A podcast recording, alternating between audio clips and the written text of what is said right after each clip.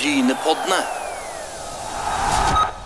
Da ønsker jeg hjertelig velkommen til Brynepodden. Og vi, tok, eh, vi liker å fy- fyke litt høyt med i Brynepoddene, som er i eh, 18. etasje på eh, Høghuset på Bryne. Og i dag så har vi lovt at vi skal ha Narve Gilje Nordås som gjest. Og eh, dere som sitter her i salen, dere vet at det er en kar som sitter og smiler og tripper litt. Men eh, for all del, ikke glem at du hører på en podkast som er litt uh, djupere.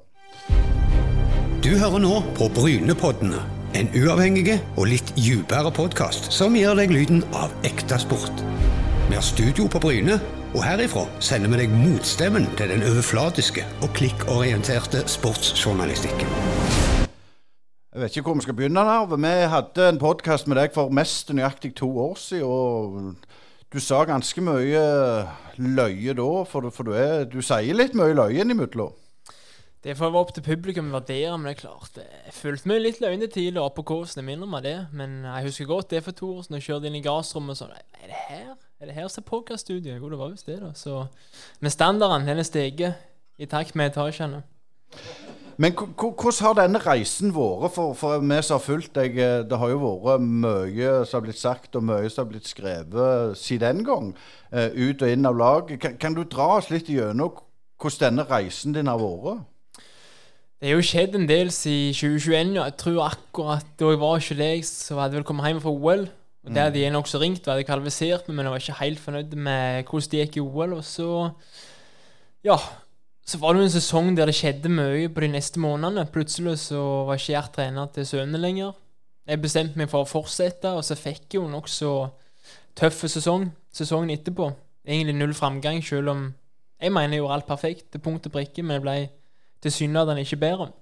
Og så er det klart eh, Når blir man 17 i EM i en sesong der du håper at du går inn som medaljekandidat og ønsker å ta medalje til EM, så er det jo klart at da vurderer du litt hva du holder på med, og om du har lyst til å fortsette. Ikke fordi du ikke liker å springe alt det der, men litt den økonomiske bit med tanke på studier, livet videre, om det er bærekraftig, om du kan forsvare for deg sjøl, og så gå noen runder med deg sjøl, og i samråd med treneren Gjert, så var han iallfall enig om at du holder gående i minst to år til. Kanskje er det når du kommer så langt, det nytter ikke å Kanskje slutte nå. Du må bare prøve å se. Men hva var det han gjorde for å komme inn i, i, skallen din for å liksom trykke på de rette knappene? Vanskelig å si sånn konkret, men det er klart eh, Han plukker vel litt ifra de argumentene jeg kom med. Ja, men jeg tjener jo ingenting på det her, og jeg har gjort alt jeg skal. Altså, jeg blir bare ikke bedre, jeg har ikke talent til det. Dette er liksom mitt toppnivå, tilsynelatende. Men så sier han det er jo ikke det. Jeg har jo sett det mange ganger før. Av og til så tar det bare mer tid. Du må bare stå i det. Så hørte jo på han.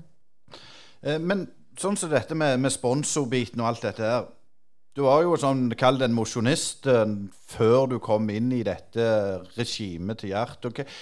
Fortell litt om den overgangen. Var, var- var, det, noe, var det litt vanskelig òg, eller gikk det greit? Jeg syns det var helt fantastisk. Jeg har alltid likt å trene. Og egentlig vil jeg si en mosjonist i hodet for først og fremst så springer fordi jeg liker det. Jeg liker å trene, liker å holde meg i form. Og så er det sånn du kan ete litt mer, og ete litt eh, mer usunn mat i hermetegn. da. Så litt den logikken og tanken har gjennom, men det som forandrer seg, er jo litt målsettinger, da. Før i tida var det jo å kapre pallen på pølsemil og ormil og sånn type løp. Nå er det jo plutselig VM, da. Men det er jo samme greia. Men, men sånn treningsmetodikk, er det mye det samme? Ja, det er mye det samme. Mye rolig trening. Intervallene går kontrollert, men du gjør bare mer alt, rett og slett. Og ikke minst alt utenom trening. Null jobb. Studie er studie, men det er alltid springe og se fokus, da. Så det er først og fremst det som skjer utenom trening, i tillegg til at du øker belastningen på alt på trening, som er forskjellen. Du sa det for to år siden at du holdt på med en mastergrad, og hvis ikke det ble friidrett, så skulle du sikkert få deg en kontorjobb. Eh, Hvordan går det med studiene, da? Jeg går helst i. Nå begynte jeg vel på niende semester av ti, så det er ikke lenge igjen før jeg er ferdig der. Men ja, jeg tror ikke jeg skal rett ut i jobb. Det tviler jeg sterkt på til sommeren. Eh, Men, men dette med, med Gjert og alt det der surret som har vært rundt der, eh, det har jo selvfølgelig påvirka deg og sportslig òg. Hvordan har du klart å stenge det ute? Ja Helt klart å stenge det ute, da. Jeg var litt usikker i VM sjøl, for det er jo umulig å stenge det ute. Det er klart Hvis du kjeder deg og har litt tid å slå i hjel, hva er det første en gjør da? En sjekker jo nettavisene. Og i et VM, når du ikke springer, så er det jo stort sett ikke annet å gjøre enn å slå tida i hjel. Så vips, var du inne på en nettavis. Der var du.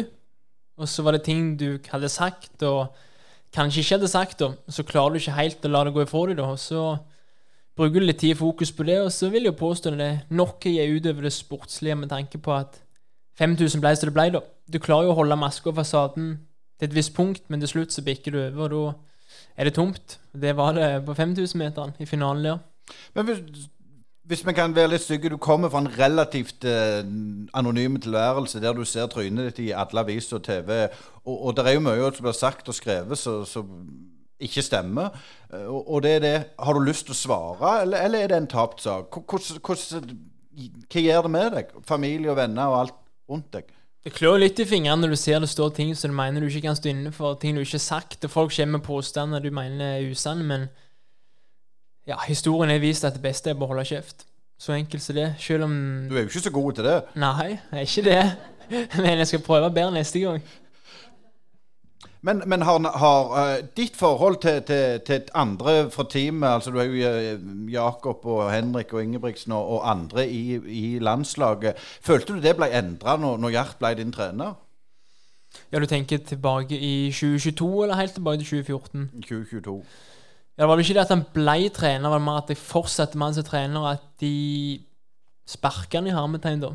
Klart det endra forholdet. Det. Gikk jo fra å være Jeg skal ikke si det var veldig bra noe med alle personlige venner, men eh, ja. Det gikk jo til å være ikke-eksisterende, så var jeg ganske åpen om i VM òg. Men fikk, du fikk jo litt tyn for at du var så ærlig på det. Jo, men hva skal du si, da? Ingen kommentar. Det er jo ganske. Folk hadde jo sett det. Det er jo bedre bare være åpen om det med et ikke-eksisterende forhold. Punktum. Men, men eh, det der, jeg synes det er litt sånn, du er, du er ganske tøff og tydelig der, mens den andre sida sikkert har fått beskjed av uh, Sendt ut pressemelding at det skal de ikke snakke om, og, og, og media på en måte aksepterer det. Det må jo være litt tøft allikevel å stå i det der. For du uttaler deg, og du får på en måte hele driten. Det er helt sant, men så lenge det er likhet for loven, så kan jeg mest ikke klage, da, men det må gå litt begge retninger. Hvis jeg får spørsmål om han, så bør han få spørsmål om meg, og vice versa. Men jeg føler ikke for et behov der jeg skal dirigere media, hvilke spørsmål de skal stille. Det øyelegger jo litt det prinsippet med et fritt medie, da. Det holder vi vekk ifra. Men vi kan spørre hvem vi vil. Alt det du vil. Men, men, det, men det kommer jo altså, Litt tilbake til denne prestasjonskulturen. Det er klart Ingebrigtsen og Jakob har jo hatt en hinsides sesong. Motiverer det deg at nå skal du pigge det ta dem? Eller, eller er det sånn at du, du, du ser litt på hvordan de trener og hvordan de gjør det? Eller, eller går det en fanden i deg? Selvfølgelig motiverer det jo å se at avstanden er stor. Men heldigvis var den minst når det hjalp som mest. Da var det 300-deler. Så det er klart han var litt større både i forkant og etterkant av VM-finalen. Men den viste jo at han er jo ikke mulig å slå. Og så sitter du og leser litt eh, nettavis igjen, vet du. Plutselig dukker det opp en artikkel der han er ute og springer bear mile med gjengen, og de tenker sånn ah, Skal jeg ta innpå litt? Hvis han holder på med det, så skal jeg skjerpe meg, være seriøs. Sove godt, spise godt, holde meg vekke fra den ting og ta innpå det forspranget har. Så det, det motiverer å se sånne ting òg. Jeg var litt inne på dette med sponsorbiten. Eh, Det er klart En bronse i VM det forstår jeg har, har gjort godt for både det ene og det andre. Du, altså, hvordan er det å være nerve nå? Skal ikke klage. Til, men altså, jeg bryr meg ikke så mye om det. Så lenge du har til, til salt i grauten på lørdag, så er jeg fornøyd. Og da Det har jeg for tida, altså. Vi har det. Så da skal jeg ikke klage. Ja, men Nå sa jeg at du skulle si framheve de sponsorene dine. Da må du følge med hva jeg har gitt deg beskjed om å si. her. Ja, stemmer det. Så du Tilbake til manus, da. Ja, ja, ja, stemmer det. Jeg har lyst til å takke Nei da. Jeg må takke selvfølgelig de sponsorene som var med fra starten av. Det er jo Jæren Sparebank som var første lokale sponsor inn på banen. Og de har vært med fra en sped start. Ifra jeg var ja, en mosjonist både i tankegang og resultat, fram til nå. Ennå en del av det. Du har jo tre kompanier lokalt, og så ikke minst eh, BG og Egersund. Så det er de tre lokale. Setter stor pris på dem, og samtlige er med ennå. Men er det litt viktig for deg at du har lokale sponsorer? Selvfølgelig, for det er klart, når du tar medalje i VM, så plutselig så kommer du internasjonale sponsorer inn på banen, som f.eks. de skoene vi springer med, Hukka. Og da er det sånn, på et tidspunkt så trenger du jo i hermetegn ikke de lokale, men du vil jo ha dem for det. For det er litt den lokale forankringen, at du, føler fremdeles du er en del av det. Det er det du ønsker å fronte på drakt du springer med. Ikke en eller annen intetsigende stor bedrift der du ja, markedssjefen ikke vet hvem du er engang. Men, men det som er nå, nå er du liksom blitt eh, litt hot, da. Hvordan er det når du er på stevne? Sånn, merker du det at denne bronsemedaljen har, har gjort noe med hvordan folk eh, på en måte snakker til deg og oppfører seg rundt deg? Folk setter jo først og fremst pris på det og syns det er svært. Og de er jo ikke redd for å gratulere, de må bare sette pris på det. Hvis det er noen unger som vil ha autograf og belede, så får jo ta det som det. Det er jo stort at det er noen som bryr seg.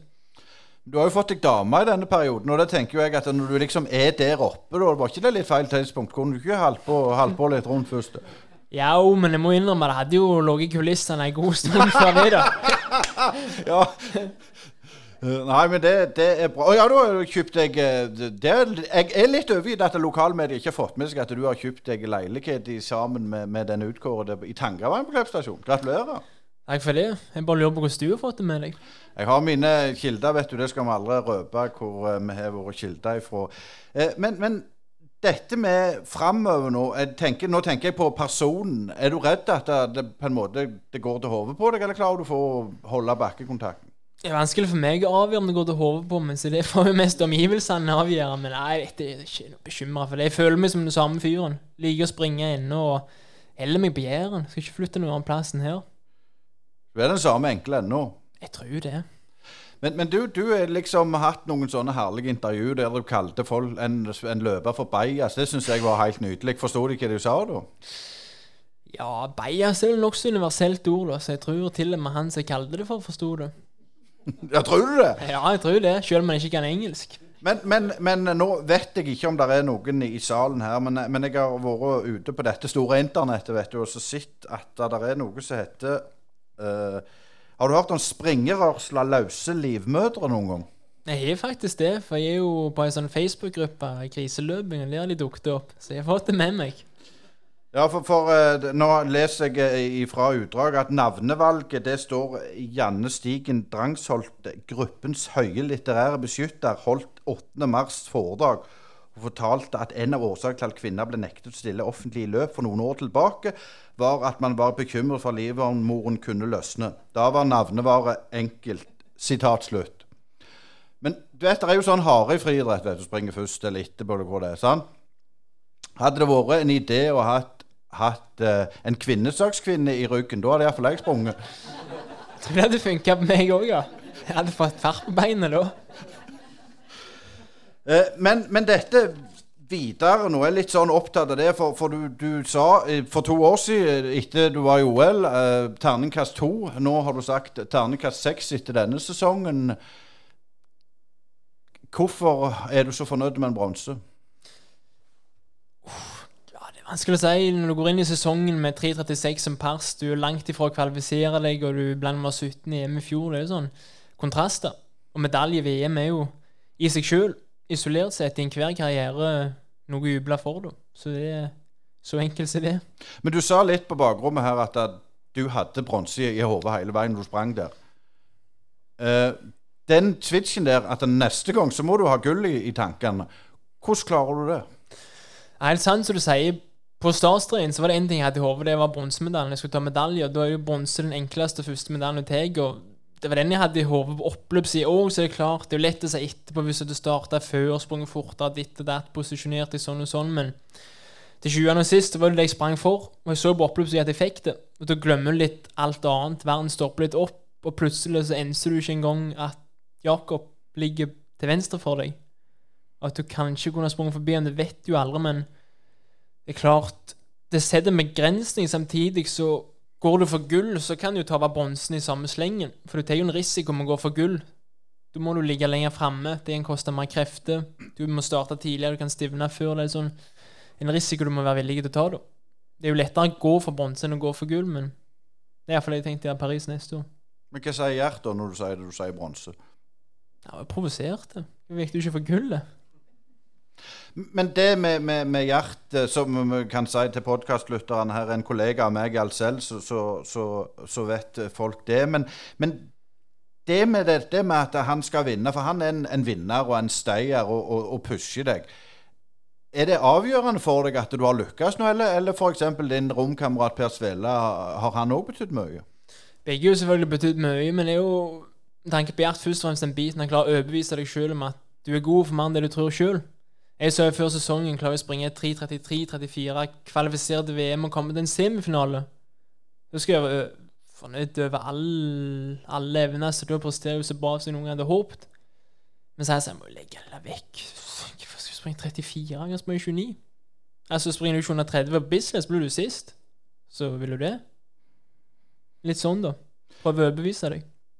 Ja, for dette, denne VM-bremsen, du, du, du springer jo under eh, 3.30, vel. Disse her, disse her tiende her, det må du arrestere meg, for det har jeg ikke hele kontrollen. Jeg ser bare jeg ser bare hvordan de springer. Du fikk tredjeplass, fikk jeg med meg. Det, det gjorde jeg. Men dette med å ligge i rygg, det har jeg liksom forstått. Nå står du på den 5000 eh, der, der de liksom bare går i rygg. Der er du litt feig. Feig og feig. Av og til så er det bare tomt. Du springer det du er god for. og Noen ganger så er det bare ikke mer. altså. Men det er klart, 5000 er vondere enn 1500. For på 1500 så får du syre opp i døren i en runde, og så rekker du ikke så mye å tenke over det, for vips er det to runder igjen, så er det én runde igjen, og så er du i mål. Og så stivner det på litt armer, mens 5000 er mer sånn brutalt. Du, du får det tidlig. Det er sånn litt mer langsomme, seigpinende smerte, da. Så du må være på topp mentalt, ha et enormt mentalt overskudd når du står på startstreken den 5000. Hvis du har sprunget fire løp, inkludert en medalje i VM, så er det vanskelig å stille skjerpa på startstreken. Så er det du sier at du må være hardere i hodet på en 5000 og vinne den eller på en 1500? Ja, det tror jeg. Men hvor, sånn videre nå, er det noe en, en, en, en distanse du skal satse på, eller det er 5000, altså? Det er nok 1500, så jeg skal prøve å springe så lenge det lar seg gjøre, for det er mindre vondt, som sagt. Det er jo gildere, det er mer prestisje, og liksom, det er litt mer Formel 1-preg over det. Mens 5000 er mer sånn Hvis du må, da. Hvis du ikke lenger har farten, så må du vel heller gå opp i distanse. Det er jo greit, 1500, det er jo fort gjort. Det er fort gjort. Tre minutter, så er det over. Men hvordan er det du, du, du skal eh, trene videre? Nå, nå er det jo fri, faktisk. Altså, nå, hvor mange, hvordan er friperioden din? Det er vel så fri som du får det. Så vi springer ei økt om dagen, ca. 120 km i uka. Så ja, noe særlig mindre enn deg hvor du ikke an å springe. Så to uker med det, og så er det tilbake til trening igjen. Så du, du trapper ned med 120 km i uka, ja. Yes. Jeg kjenner bare overskuddet boble over. Klarer mest ikke å sitte i ro. Men for oss også nå må snakke gull nå, det må vi sprente inn. Hva, hva skal du gjøre? Er det mengdetrening? Er det kosthold? Er det søvn? Er det, hva er det? Det var jo som jeg sa fra i fjor til i år, så tok jeg og stramte til skruene på alle parametrene. Litt, men ikke for hardt. Og da tenker jeg det samme i år. Mye det samme, bare bitte litt mer, bitte litt mer seriøst. Enda litt hardere, enda litt smartere. Og ja, gå enda mer inn for det. I den grad det lar seg gjøre det. Og så kan det jo være det bikker over. nå Da gjorde du iallfall det du kunne. Da var det verdt det. Men, men det er det du sier du bikker over. Merker du det, eller er det bare Oi, nå gikk jeg for langt? Både da, men på vårt nivå så er det litt at det går gradvis, da. Det er ikke sånn at du trener deg i senk i løpet av et par uker, og så klarer du ikke å fote deg. Men det er mer gradvis i løpet av flere måneder. Plutselig så innså du at det gir litt for langt, litt for hardt over litt for lang tid, og da kan det bli seigt, rett og slett, på et tidspunkt. Men dette med sports science er jo veldig inn i tid. og det noe, hvor langt har det kommet, føler du, i, for, i de tid? Altså, er det bra nok? Du tenker på selve den vitenskapelige biten om treninga Ja. ja, Vi vil alltid sitte vekk fra det, da. Vi bryr oss veldig lite om vitenskapen bak treninga. Vi prøver noe, og hvis det funker, så fortsetter vi. Og hvis vi ser at eh, det gjør at resultatet blir dårligere, så slutter vi med det. Så det blir litt sånn anekdotisk bevisføring for hva som fungerer og ikke. Det er vanskelig å si nøyaktig hva, men vi kjører iallfall mye mer erfaringsbasert eh, tilnærming til treninga. Og holder oss egentlig vekke fra vitenskap vitenskapsfolk og idrettshøgskole og alt sånt. da. Det bryr vi oss fint lite om. Men da går du vel litt mot strømmen? Det er vel litt det som er standard i Norge nå. De følger jo stort sett det opplegget vi kjører, som igjen er erfaringsbasert, da. Som etter hvert nok vil bli støtta av vitenskapen. De henger jo alltid litt etter, for det er litt større krav innenfor vitenskapen til å bevise at ting fungerer, enn å bare si det sånn som vi gjør. Men hvordan er det når du tenker internasjonalt og i Europa? Hvordan er det de trener? Flere og flere trener sånn som oss. Hvis du ser på finalefeltet på 1500, så vil jeg tippe iallfall over 50% kjører vår type modell. Og så er det noen andre som kjører mer tradisjonelle 1500-trening, da, som er mye fart og lite mengde. Når de trener, så trener de hardt. Eh, men det, det er jeg liksom prøver å pike litt der med, med, med mengdetrening. For du ser at folk, folk, folk kan bli rett og slett overtrent? som jeg sier. Er, er det noe du er redd for? For du er jo, etter som jeg forstår, hvis 120 km i uka er, er, er fri, så sliter jeg iallfall. Ja, du er et poeng der, men jeg er redd er du ikke. For hvis det er en ting med kontroll på, så er det jo å styre intensiteten. Og så lenge du klarer det, så skal det jo som sagt litt til å bikke over, da. Og det tar iallfall lang tid før du innser det. Så det er klart du tar en liten risiko, men vi har kontroll samtidig, da. Vi skal ha en ny programpost eh, i Brynepodden om litt, så jeg skal bare kjøre en På innsida blir presentert i samarbeid med Dalane Energi. På innsida, Nærbø. Hva tror du det er for noe? Jeg er spent. Ja, nei, vi skal Innsida av hodet skal Ja, det det du dukke djupt ned i materien. Ja, vi skal, vi skal ha rett og slett eh, tre utøvere, jeg vil ikke røpe hvem det er, der de skal ha mikrofon på seg eh, enten på en hel kamp eller på en hel eh, konkurranse, der vi skal ha noe lagidrett og noe individuelt. Det begynner vi med om noen uker, men du er jo individuelle utøver. og Når du går og suser rundt og springer disse her kilometerne dine, snakker du med deg sjøl, eller hvordan er det? Kan vi ha deg, en mikrofon på deg, eller er det kjedelig? Jeg sier jo ikke stort, men inni hodet hadde de gjerne tatt opp det som foregikk der inne. Så jeg tror det kunne være gildt, altså. Jeg var ute og sprang i Nordskogen og nettopp i eh, stiv kuling og pissdrikken, og det er jo ingenting som er mer fantastisk enn det, da. Så det er litt som du sier det sjøl, er jo helt ellevilt, altså. Det ble jo ikke bedre. Du må dele det med noen. Altså, hvor er folka? Du må jo formidle den gleden du kjenner.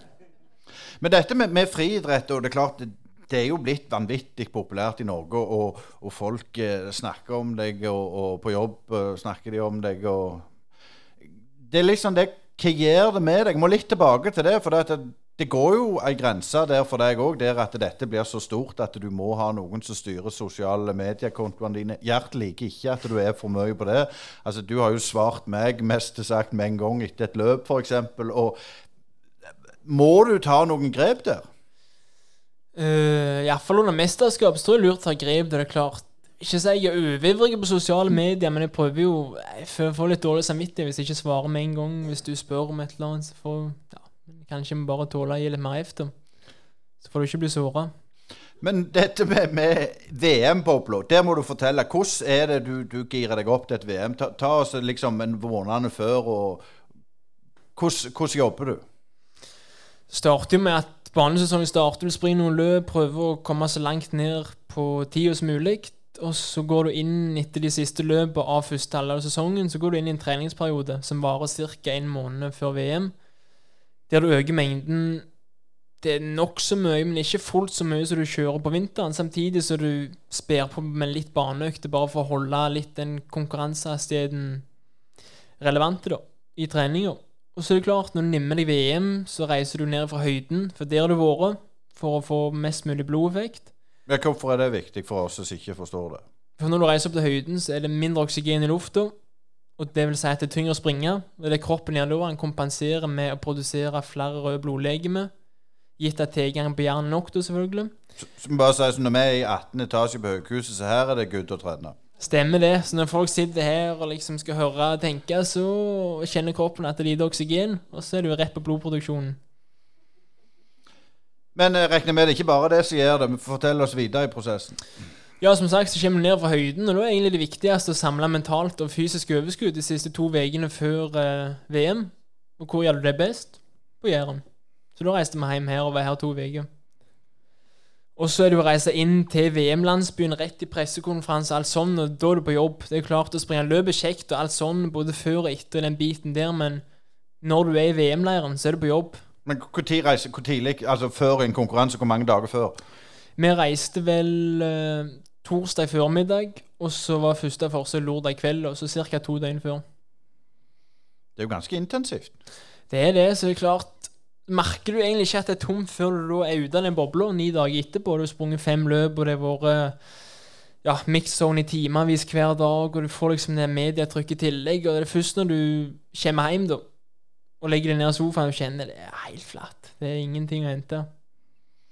Eh, men det som du, du sa jo òg det at det når du skulle springe 5000, at det var flatt mentalt. Eh, det å så prøve og så gjøre det bedre, er det sånn at du bare sier at nei, nå 5000 Du sa jo litt det at det er utelukka, men allikevel Til mer trykk du får, til mer utlada blir du jo. Det er helt sant, det. sånn, det kommer på toppen av den fysiske belastninga, og du får det på toppen av det hele, så kan det jo være det som har gjort at det bikker over, da. Men jeg vet jo aldri. Jeg skal jo ikke skylde på det. Det er første gang en sprang fem løp mesterskap. Stort sett så er en jo sprunget forsøk 5000 og røyker på hodet ut, og så er det takk for i dag og hjem igjen. Nå var det jo litt flere løp denne gangen. Men, men, du sa òg det at du har ligget på rom med, med, Per Svela, som, som, er en del eldre enn deg. Hvor, mye, hvor viktig er det å ha en som en, måte, en, en avlastning? Han konkurrerer jo sjøl, men, men er, det, er, det, viktig? For du er jo som sagt en individuell utøver.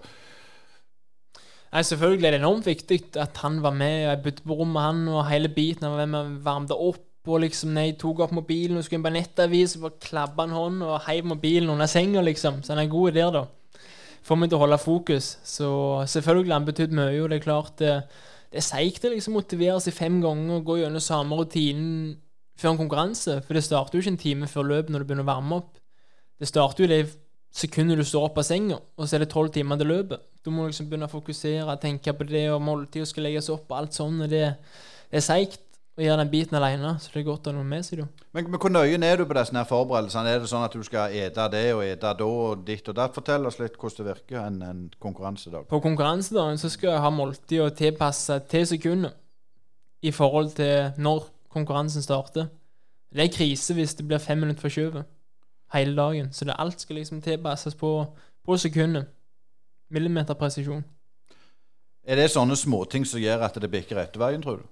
Jeg tror det, men så kan det jo av og til gå i feil retning. At det blir for mye fokus på det. At du tenker hvis du ikke får råde det og det til det og det tidspunktet, så går det ikke uansett, da. Det kan du ikke tenke. Men når du skal optimalisere, så er det jo greit å prøve å tilrettelegge så godt du kan, da. Eh, sånn så, så videre. Nå er det jo OL som er målet til, til, de fleste. Og nå har du vært i et VM. Du har eh, fortalt hvordan du jobbet inn mot det. Hvordan skal du jobbe inn mot OL nå i Paris? Det blir vel litt samme greie, men tingen er at jobben begynner jo tidligere. Han begynner vel mer eller mindre i det sekundet du avslutter denne sesongen, som var i USA i helga.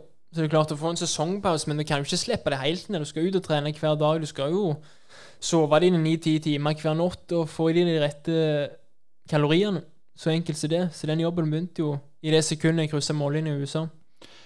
Men hvis det, har du på en måte bestemt løpet fram hvordan du skal gjøre dette allerede? Eller går det litt veien blir til mens du går. Eller mens du springer, da, selvfølgelig. Vi har jo sett på terminlyst og lagt en plan, så det er klart vi begynner jo Treningslæreren er mest bestilt allerede, og alt er liksom tilrettelagt. og jeg vet at forsøket på 1500 bunn 11.05 den 2. august 2024, så liksom det er i hodet. Men den der mentale Altså Jeg prøver nå liksom å komme inn på innsida i hodet ditt. Denne mentale biten der så Nå skal jeg gjøre det litt bedre, litt bedre, litt bedre. Er det, er det en god plass å være? Er du motivert? Kunne ikke vært mer motivert enn jeg nå. Det er klart Når du presterer godt og kjenner samtidig at du er mer i det, det er da du er på ditt mest motiverte. At du ser det du gjør fungerer, men samtidig så føler og vet du mer inne. Da er det vanskelig å slutte. Det blir en sånn besettelse. Du klarer ikke å gi deg. Men hvor, hvor, hvor herlig var det å komme hjem til Jæren igjen? Fantastisk. Kunne ikke vært bedre. Rett ut i frisk luft. Du vil liksom gi nede der og trødd og steikt i 40 grader i trykkende Budapest-sol og eksos og koks. og så vidt du kan gå ut døra uten at du holder på å krepere. Så var det liksom frisk og god luft her, og bare kjenne det. Men det, det var liksom det med denne reisinga. Nå var det jo i USA, og det er ni timer forskjell, er det? Mm -hmm. Den, den belastninga på reising, soving, eting det, må, det høres jo helt jæklig ut, skulle jeg til å si. det er klart, det kan jo som sagt ta overhånd, men går an å slappe av samtidig så du har kontroll på disse parameterne, uten at det går til hodet på deg. Det er litt Når ting blir rutine, så er det veldig lett å gjennomføre det. Hvis det er en del av livet, så gjør det uansett. da. Men du er ikke sånn så hvis du, så du sier litt Hvis ikke du får den der lunsjen, du får en fem på istedenfor fire på, så låser hodet seg? Nei, det er jo ikke det, men da er det ofte sånn du får noen sure oppstøt på kveldsøkta, så blir du litt forbanna, for du kunne unngått det. Men det er så små marginer, altså? Ja, det er det. Men, men det, det nå inn mot OL. Gjert han blir, blir med deg eh, som trener. Men ellers er det noe nytt i, i teamet, som du vet nå? Hvordan, altså, Bare inn med dette med landslag og, og team. og Fortell litt om hvordan det fungerer. Det fungerer vel egentlig sånn at vi holder på for oss. Vi har våre trenere, vårt opplegg, kan tilrettelegge trening, og vi trener der vi vil, når vi vil, i vår gruppe. Og det gjelder vel egentlig alle andre på landslag, for landslaget i friidrett er jo ikke et landslag. Det er mer bare på papir at du står på lista, og så får du et budsjett du kan benytte til sportslige midler. Og så samles du en gang i år og jatter litt med hverandre noen timer, så er det takk for i dag, snakkes neste år. Så det er ikke sånn, uansett om det, alt det surret og har vært, så er det ikke noe sånn ei gruppe som liksom trener i lag og gjør de samme tingene? Nei. Er det noe du kunne tenkt deg at det var? Nei. Fortell litt hvorfor. Er jo nokså komprimerte grupper. det er klart det må jo gå godt overens med de du trener med. Det skal ikke være noe tvang over det. Du skal ikke, du skal ikke trene med noen bare fordi de òg er på landslaget. Så er det utskiftning litt sånn sitt fotballag, da du styrer ikke over din egen hverdag og hvem du omgås med. Det kan jo tære litt på da, hvis det er dårlig miljø. At du er påtvunget å fremdeles opprettholde kontakt og trene med noen du ikke går overens med. Det slipper du. Eh, nå har jo Gjert eh, vært inne i hodet og skrudd på noen knapper og fått deg til å prestere det vanvittig godt.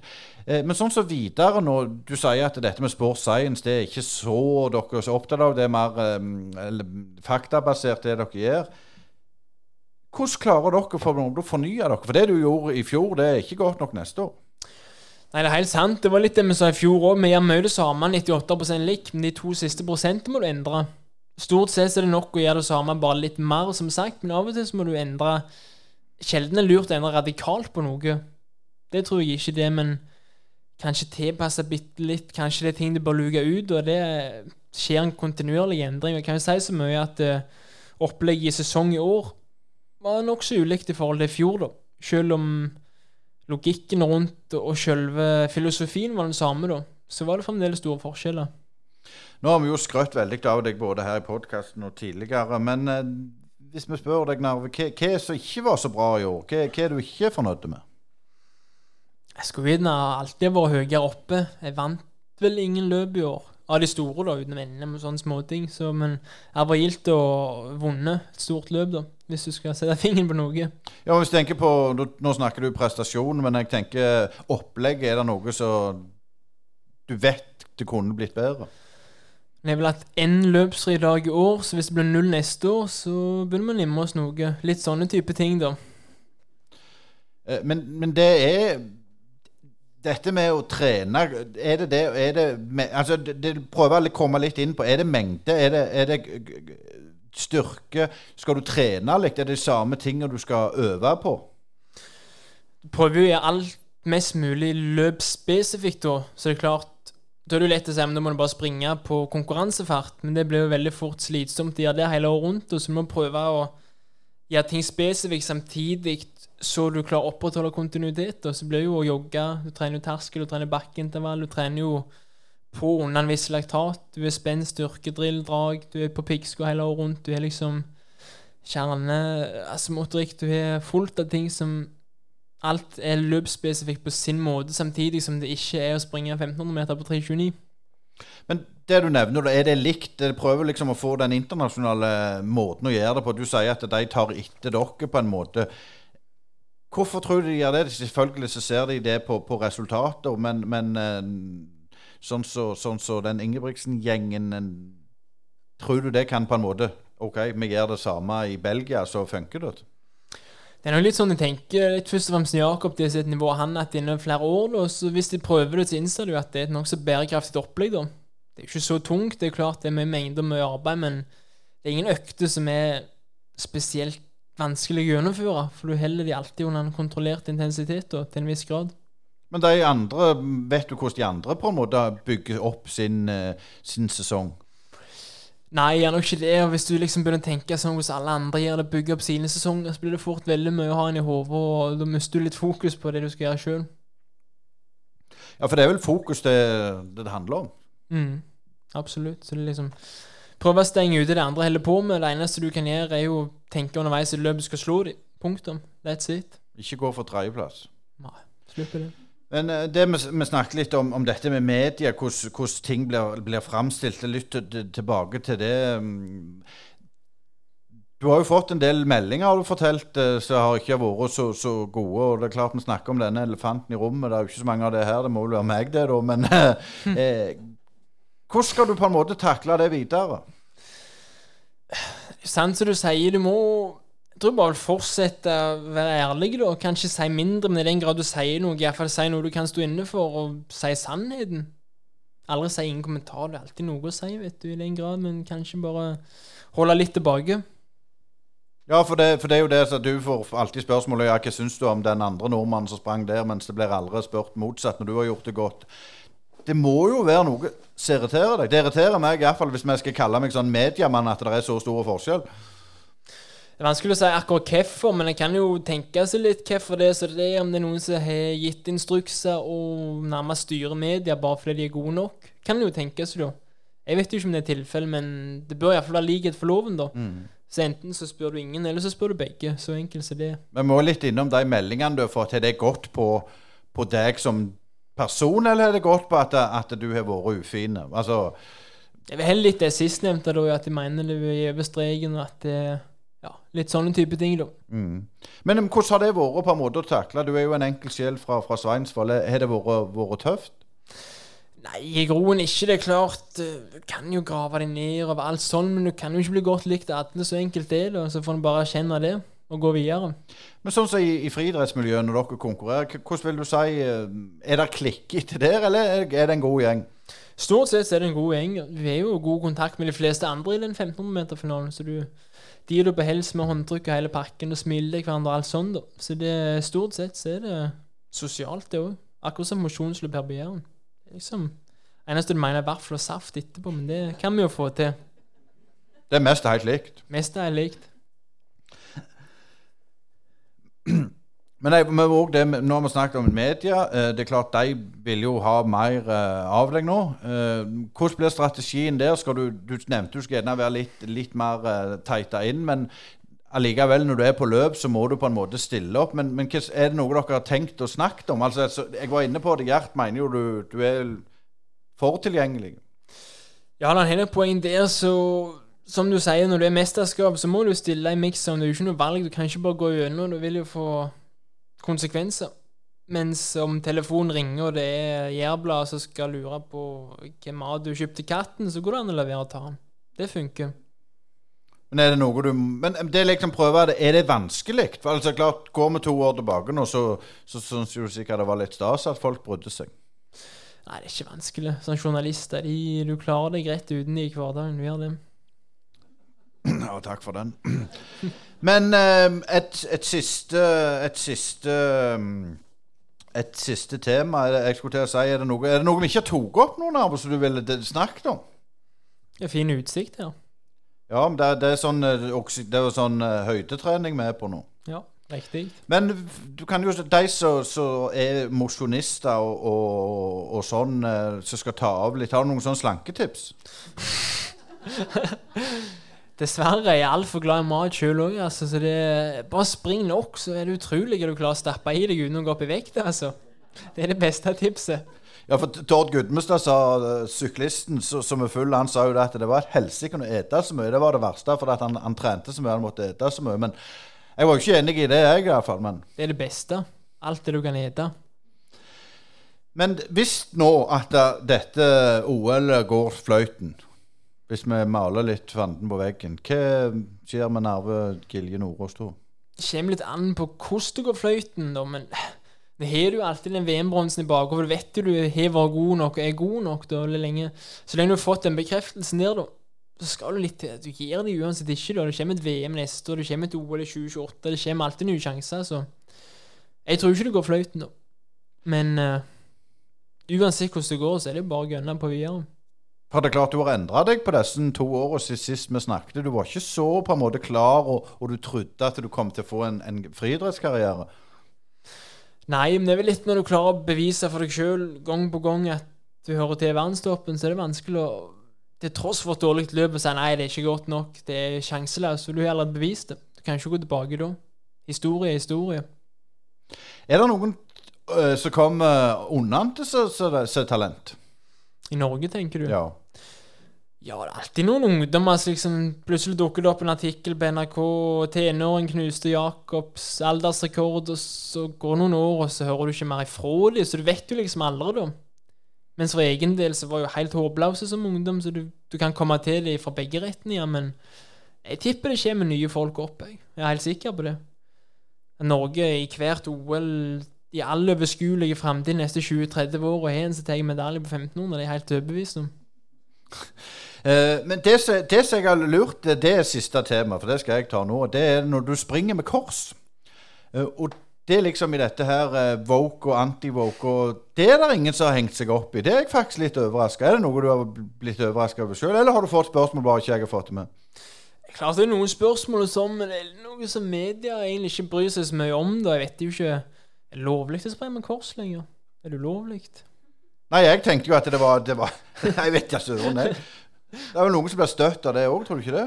Antageligvis, men da får de sende en melding, så får vi gå gjennom det og komme til en løsning. Vi skal komme til en løsning. Eh, Narve Gilje Nordås, eh, vi som er så heldige og, ser deg live her, vi skal få lov å stille deg noen spørsmål etterpå. Men denne Brynepodden er slutt, og vi får si tusen takk for at du stilte opp, Narve. Og masse, masse lykke til, både med å ete og med, med OL. Og det blir gøy å følge deg.